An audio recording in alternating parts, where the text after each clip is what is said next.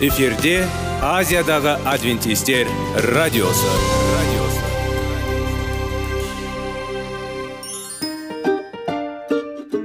Сәлем достар. Денсаулық өмір бұлағы және біздің бірінші байлығымыз демекші денсаулық сағаты рубрикасына қош келдіңіздер. Біздің рубрикада біз әртүрлі факторларменен мәліметтерменен кеңестерменен бөлісіп шын жүректен сіздердің дендеріңіз сау болғанын қалаймыз. Сол үшін біздің рубрикаға қош келдіңіздер. Дайындалып тұрыңыздар. Өйткені келесі минуттарда қызықты фактілерге ие боласыздар. Енді достар ең бірінші байлығымызды қолымызға алып алға кеттік.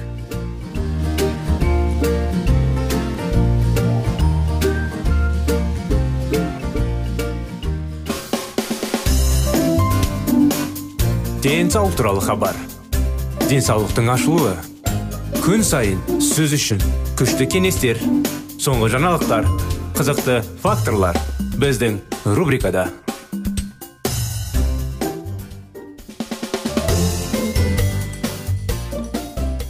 сәлем достар ассалаумағалейкум біздің құрметті радио тыңдаушыларымыз біздің денсаулық сағат бағдарламамызға қош келдіңіздер сіздердің назарларыңызға құрметті достар біздің салауатты болу салауатты өмір салты тақырыптарын жалғастырудамыз әдетте бағдарламаның соңына дейін бірінші сабаққа келгендердің жартысы келеді. Біздің айтып отырғанымыз бастаған тақырыпшамыз өткен жолдағын жалғастыруымыздамыз. Бағдарлама ә, еркін демал бағдарламасының курсын қанша адам сәтті аяқтап диплом алды деген сұраққа жауап. Соны жалғастырсақ қайттан қайталай кетейін. Әдетте бағдарламаның соңына дейін бірінші сабаққа келгендердің жартысы келеді. Ал олар курс аяқталғаннан кейін темекі шегуден тұра алады ма? Темекі шегулердің өзіне байланысты. Қалай бағдарлама жеткішілері? Темекіні тастауға кедергі келтіретін бір ғана адам бар. Бұл адам сіз. Темекі шегуден бас тартудың артықшылықтары. Өзің үшін пайдалы нәрсе жасау ешқашан кеш емес денсаулық.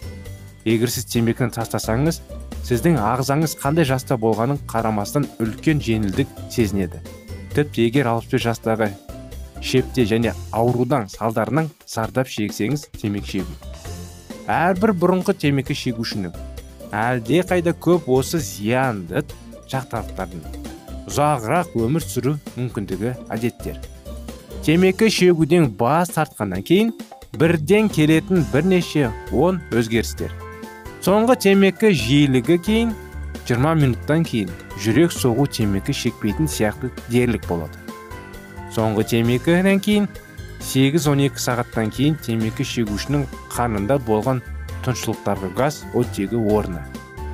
24 сағаттан кейін миокард инфаркті қаупі төмендейді. Екі күннен кейін иіс сезу дәм сезу қайтып келеді және дәм рецепторлары қалпына келеді.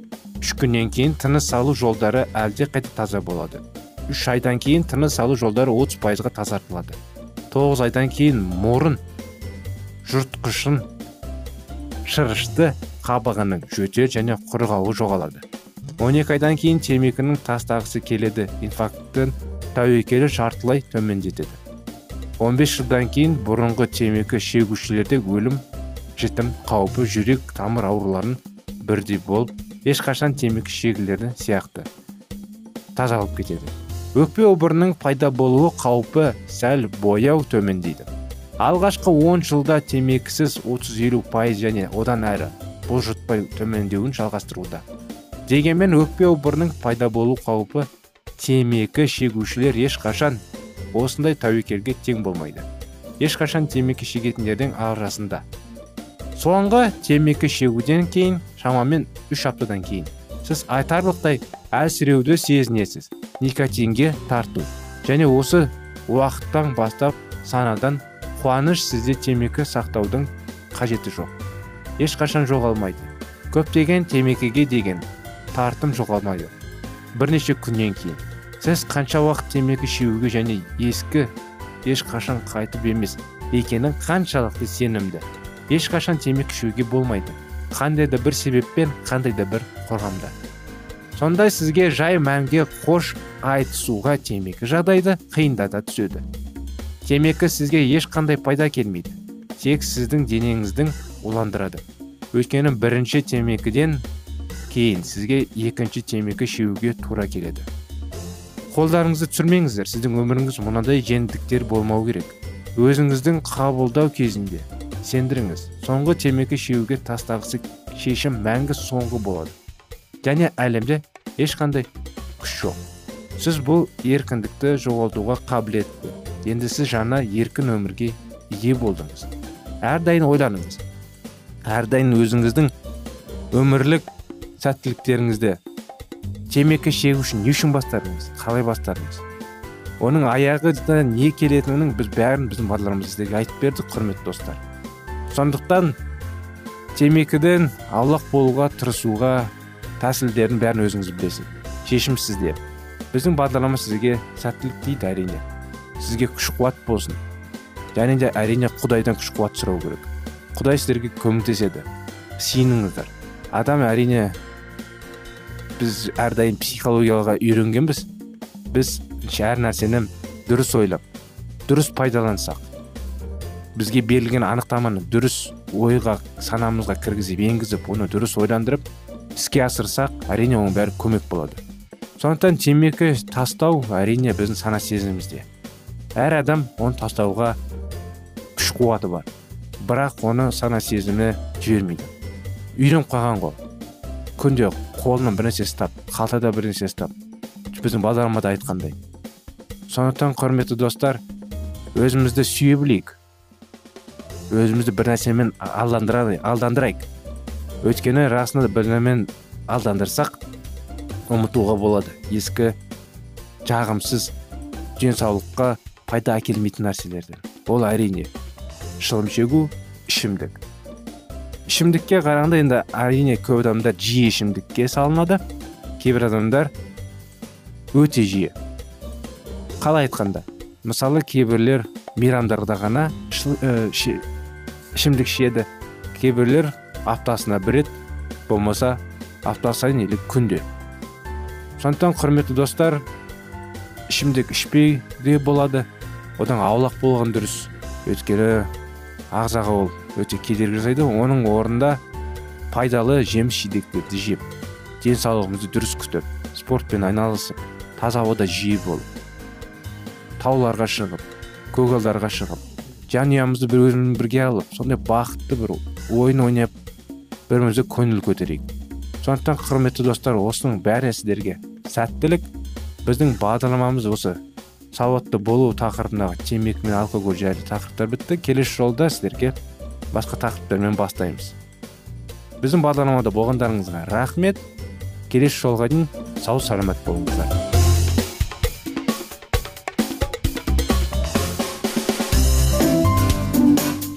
Денсаулық туралы хабар денсаулықтың ашылуы күн сайын сөз үшін күшті кеңестер соңғы жаңалықтар қызықты факторлар біздің рубрикада.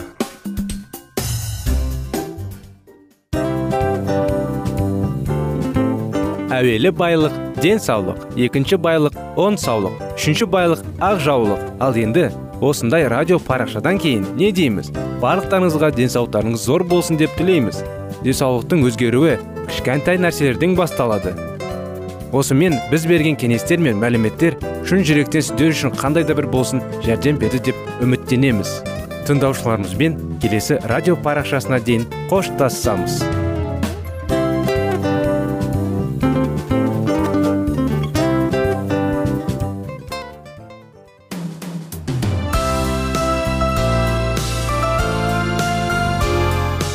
эфирде азиядағы адвентистер радиосы. Радиосы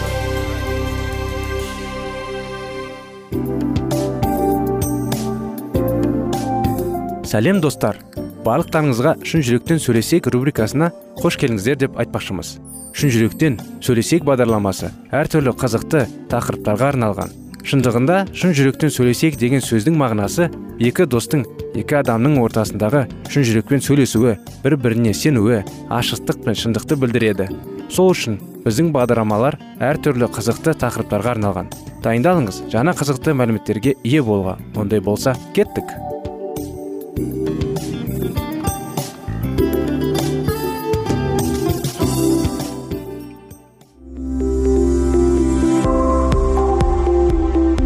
Алтын сөздер. Сырласу қарым қатынас жайлы кеңестер мен қызықты тақырыптар. Шын жүректен сөйлесейік рубрикасында.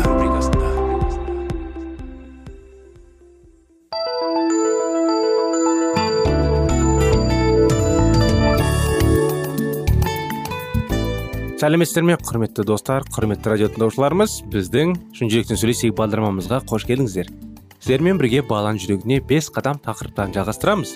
Өткен жолы біз ашу ыза ашу ызаның саты жайлы балаға жол табу ашуланың ашуландырмау үшін жаңағы бір бірімен сөйлесетіндей тақырыптарды қозғаған едік және де ашу ызаның сатысы жайлы. Соны жалғастыра кетсек ашу сатысы оның әдістері он әдістер біріншісі сыпайылық шешім табуға ұмтылу. Ашу ыза оның көзіне бағытталған тек негізгі шағым білдіреді. Логика. Екі. Сыпайылық ашу ыза оның көзіне бағытталған. Негізгі шағым ғана беріледі. Он және теріс тәсілдердің үйлесімі. Үш.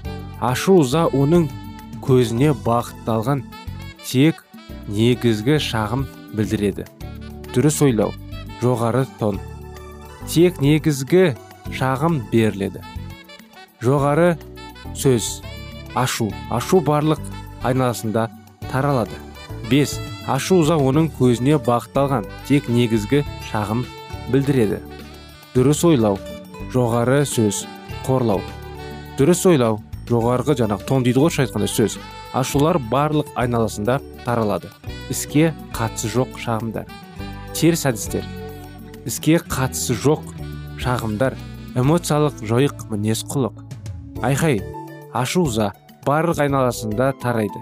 Іске қатысы жоқ шағымдар. Қорлау эмоциялық жойыққа мінез құлық. Айқайлау ашу ыза барлық айналасында тарайды. Іске қатысы жоқ шағымдар. Қорлау эмоциялық жойыққа мінез құлық. Ашу ыза оның көзіне бағытталған айқайлау ашу ыза барлық айналасында тарайды. Бала заттарды жапылақтайды эмоциялық жойғыш мінез құлық. Айқай ұрғашы ашу ыза барлық айналасында таралады. Бала заттарды жапылақтайды. Эмоциялық жойғыш мінез құлық. Құрметті ата аналар баланы тәрбиелеу өте қиын. Мүмкін сіз бұл барлық рұқсат беруге әкеледі деп көрінуі мүмкін. Бұл дұрыс емес сеніңіз. Есіңізде болсын бала кез келген жағдайда ашуланбайды. Ол мұны істей алмайды. Егер сіз өзіңіз жауап ретінде ашулансаңыз оны ашуланғыңыз келсе онда ашуланғаны жөнуге үйрете алмайсыз. Егер сіз осылай істесеңіз оның ішінде тым көп ашуланғандарын біліңіз. Ашуланулар әрдайым агрессияға ұшырайды ашузаға егер сіз балаларды өз эмоцияларын жеңе бергіңіз келсе сіз оларға өз сөз арқылы ашуларыңызды білдіруіңіз керек. Олар реніштен гөрі айтатын болсын онда сіз оларды ашу сатысымен көтере аласыз. Есіне болсын ашу ыза сыртқа шығу керек және таңдау біздің бай емес. Немесе бұл сөздер немесе әрекеттер болады. Егер сіз балаңызға сөйлеспесеңіз сіз пассивті агрессия аласыз. Бала тітіркеген кезде сізге айқайлап ол сізді құрметтемейді және сіздің билігіңізді мойындамайды дегенді білдірмейді. Ол маған басқа уақытта қалай қарайды? Құрметпен бе? Ата аналардың тоқсан пайызы иә мүмкін сіздің балаңыз сізге құрметпен қарайды. Сіз ол үшін беделді. Алайда ол сіздің шешіміңізге риза емес. Содан кейін өзіңізден шығады. Өйткені бұл бізге қажет.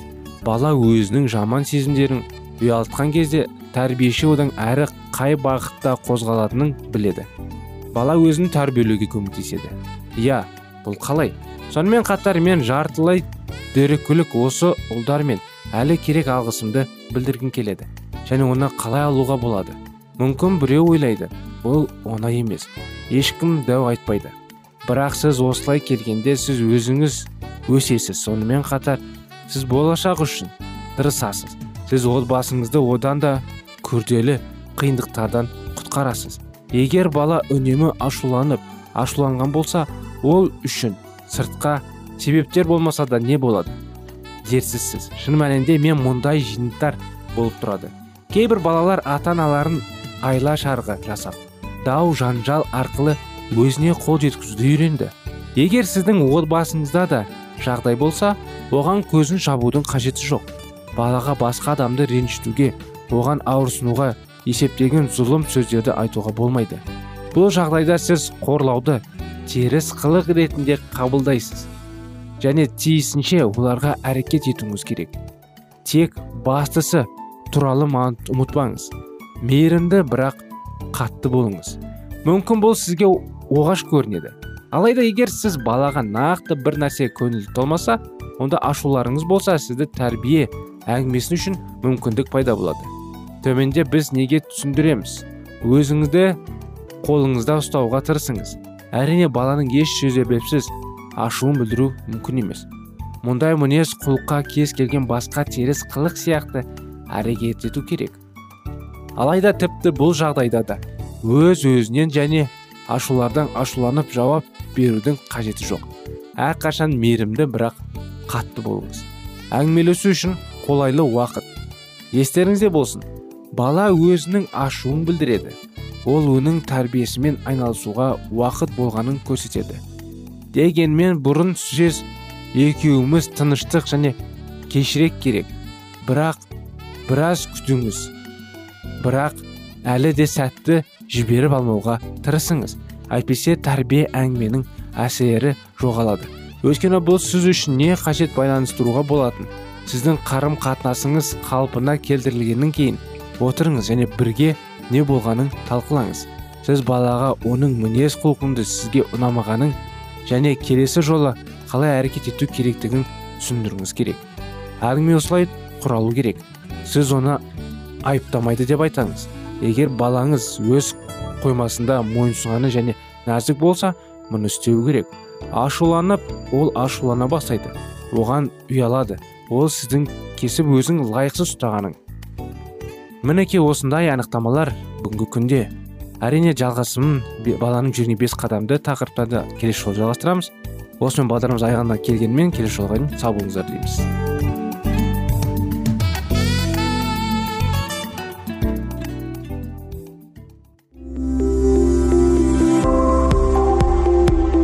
Алтын сөздер. Сырласу. Қарым қатынас жайлы кеңестер мен қызықты тақырыптар. Шын жүректен сөйлесейік рубрикасында.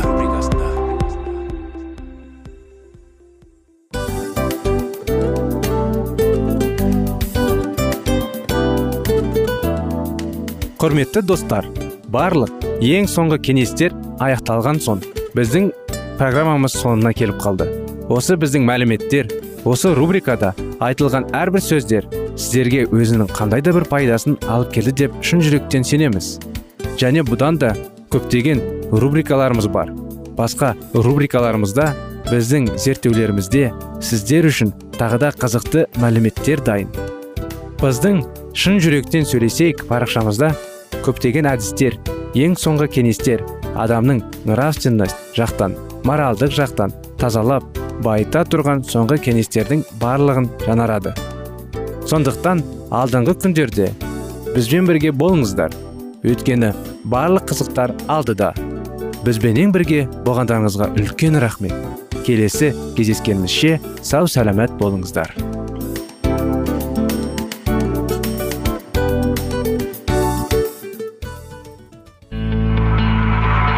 Дүниеңді байытқан жүрегіңді жаңғыртқан өмірдің мағынасын ойландырған рухани жаңғыру рубрикасы.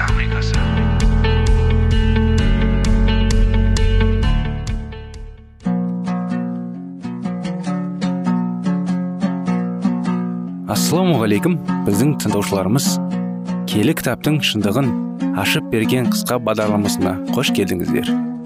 Барлығынан жоғары жаратушы біздің қарыңғылықта жалғыз қалдырып қойған емес. Өйткені ол келешекте не болу керек екенін таптың парақтарында ашып береді. Немесе келіңіздер бізге қосылыңыздар. Жаратушы бізге нен ашып бергенін зерттейміз. Сәлеметсіздер ме? Ассалаумағалейкум құрметті достар. Сіздермен бірге рухани жаңғыру бағдарламасы. Сіздермен бірге сүйінуді үйреніп жүрміз. Өткен жолы сіздермен сұхбат жайлы айтқан едік. Оның алдында мақтау жайлы өтініш жайлы. Сенген кезде құдаймен өтінішпен мақтаумен сондықтан бүгінгі күнде үндемей үндемей мінәжат ету. Ондай да синус бар екен. Көріп отырғанымыздай ә, мінәжат бұл жүректің құдай алдындағы күй. Бұл жағдай бір бірін сүйетін адамдардың арасында болатын секілді сөзбен немесе үндемей жеткізіледі. Алайда ойларымызды өзгеге жеткізу үшін оларды сөзге айналдыруымыз қажет. Бұл қабілет бізбен бірге тұратын жақындарымызбен өмірімізді байытады және биікке көтереді. Дегенмен біз өміріміздің себебін айтып жеткізсе екенін біле білеміз. Біздің өмірімізде оның ішінде басқалармен бірлескен өміріміздің сөзбен жеткізе алмайтын жағы бар. Тіпті бұл бастан бірге өткізген оқиға болса да сол секілді мұнажат арқылы құдаймен қарым қатынасымыз сөзге айналдыруға болатын және солай ету қажет жайттар көп. Кейде біз осы жайттарға қатысты сөз таба алмауымыз мүмкін. Сірә сөзбен айта алмас күрістістер туралы. Елші осының мензген болар. Бірде менің жұмыс бөлшеме бөлмеме кішкентай ұлым кіріп келді. Бұл уақытта менің бос емес екенімді және маған кедергі жасауға болмайтынын ол жақсы білетін. Бірақ маған өзінің балалық жанарымен қараған ол әке мен тыныш отырамын. Тек жанында болуға рұқсат етсең болды деді. Әрине мен рұқсат еткенімді әрбір әке түсінеді. Көктегі әкеміздегі қатысты осындай тілек бізге тыныс па? Бізде оның жаныңда болғымыз келеді. Және қанша жиі келсек те оған кедергі жасамаймыз. Біз сиініп жүргенімізді толғандыратын өзімізге және өзгелерге қатысты мәселенің бәрін айтып бердік. Кезде құдай мен сөйлесетіндей менде ештеңе жоқ жағдайлар болды да. Егер мен өзімді мұнажатта жалғастыра берсем онда енді айтқандарымды қайталауға мәжбүр болатын едім. Сондай сәтте құдайға саған басқа айтатын ештеңе жоқ бірақ сенің жақындағыңды сезініп жанында тып тыныш отыра бергім келеді деу керемет қой. Біз өзіміз жақсы білетін адамдармен үндемей араласа аламыз. Бөтен адамдармен қызықты терең мағыналы тақырыпқа әңгімелесеміз. Ал жақындарымызбен болмашы жайт туралы еркін сөйлесе аламыз. Кейде мүлдем үнсіз отыра аламыз. Бізге құдаймен ресми сұхбат тұрудың қажеті жоқ. Біз шаршапшылдыққан жанымызға тыным үндемей оның алдында отыра аламыз. Оған баратын айтқанымған күрестер біздің оған мүмкінді мұқтаж екендігімізді сөзден артық жеткізеді. Біз өзіміздің осы дүниеден өмірден бәрінен қатты өлімші болып шаршап кетеміз. Сондықтан шаршаған жүрегіміз бен басымызды иіп бұдан әрі төзе алмаймын. Тіпті сөйлеуге шамам жоқ. Осы тыныштықта біраз дамылдап алуыма рұқсат етші. Бұл да өтер де көтер.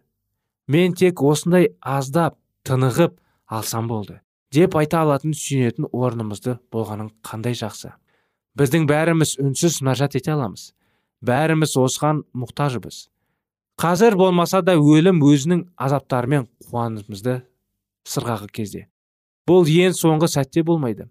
Ажал алдындағы жан таласу көп жағдайда жан тапсырғаннан бұрын тоқтайды. Маған қауым мүшелерінің ажал алдындағы жан таластарын жиі көтеруіме тура келеді. Азап жанды да тәнді де қинайды.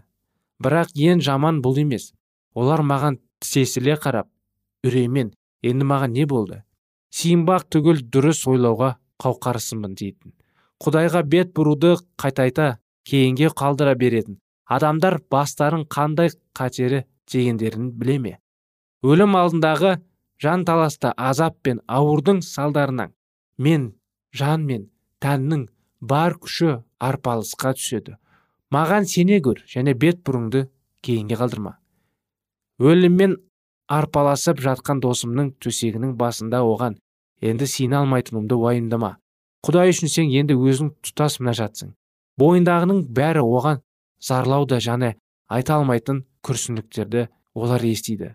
Жанның тыныштық тапқан кезде құдаймен қарым қатынасыңды дер кезінде ретке келтіре алғаның үшін және енді бәрін оның қасиетті қолына тапсыра алатының үшін оған алғысыңды айт дей алсам жақсы кейде жүрек сонша толы кейде ой сонша толы кей кезде көңіл күй болмайды кей кезде көңіл күй болады. Бірақ сонда да мысалы мен өзім тәжірибеммен сіздерге айтайын кейде таза ауаға шығып аулаға осы ары бері жүрістен қаладан кейде бір тауға шыққан кезде болмаса бір саябаққа барған кезде паркке барған кезде бір керемет қарапайым көзге жағымды жүрекке жағымды орынды тауып сәлем көктегі әкем. Барлық көмегің үшін рахмет деп. Қазір сенің алдына келіп осы тыныштықта ләззаттанып сенің жаратқан жаратқысыңды ләззаттап қарап тыныш отырғың келеді сенің жаныңде рұқсат етші деп. Өйстіп жай ғана тыныш отырып желдің дауысын сезіп естіп кешіріңіздер желдің дауысын естіп желді сезіп шымшықтардың дауыстарын естіп көк көк талдарды көріп көк аланды көріп кереметті көріп қандай керемет осындай ләззатқа ештеңе жетіспес. Тыныш отырып ләззаттанып аяғында әрине құдайға рахмет айтып нажат етіп сиынғанға не жетсін? Келіңіздер достар бірге құдайға сиынайық. Уа жаратқан еміс! О дүниенің жаратылыстан бері әрдайым бар болған керемет тәңір иеміз. Адам атамен хауаны анадан бері. Адамдарға өзің батаңды беріп қамқор болып жетелеп қиыншылықта да жақсылықта да әрдайым біздің жанымызда болған тәңір иеміз. Рахмет сізге. Осындай кеңестерді қолданып сізге мадақ етіп өтінішіміздің бәрін сізге қолыңызға тапсыруға үйреткеніңізге рахмет құдай сіздерге әрдайым алғыс білдіріп сиынғанға сыйыну үшін үйреткеніңізге рахмет. Жай ғана кей кезде тыныш отырып сізбен бірге сиынған кезде де не жетсін деп үйреткеніңізге рахмет. Өйстіп сіздермен сізбен құдай сиынып сізбен бірге болғанға көмектесіңізші. Бәрін осыған әкелетін тәсілдер орнатыңызшы біздің өмірімізде. Сізбен бірге болғымыз келеді сіздің атыңызды мадақтағымыз келеді. Бәрін иса мәсіх атынан сиындық әумин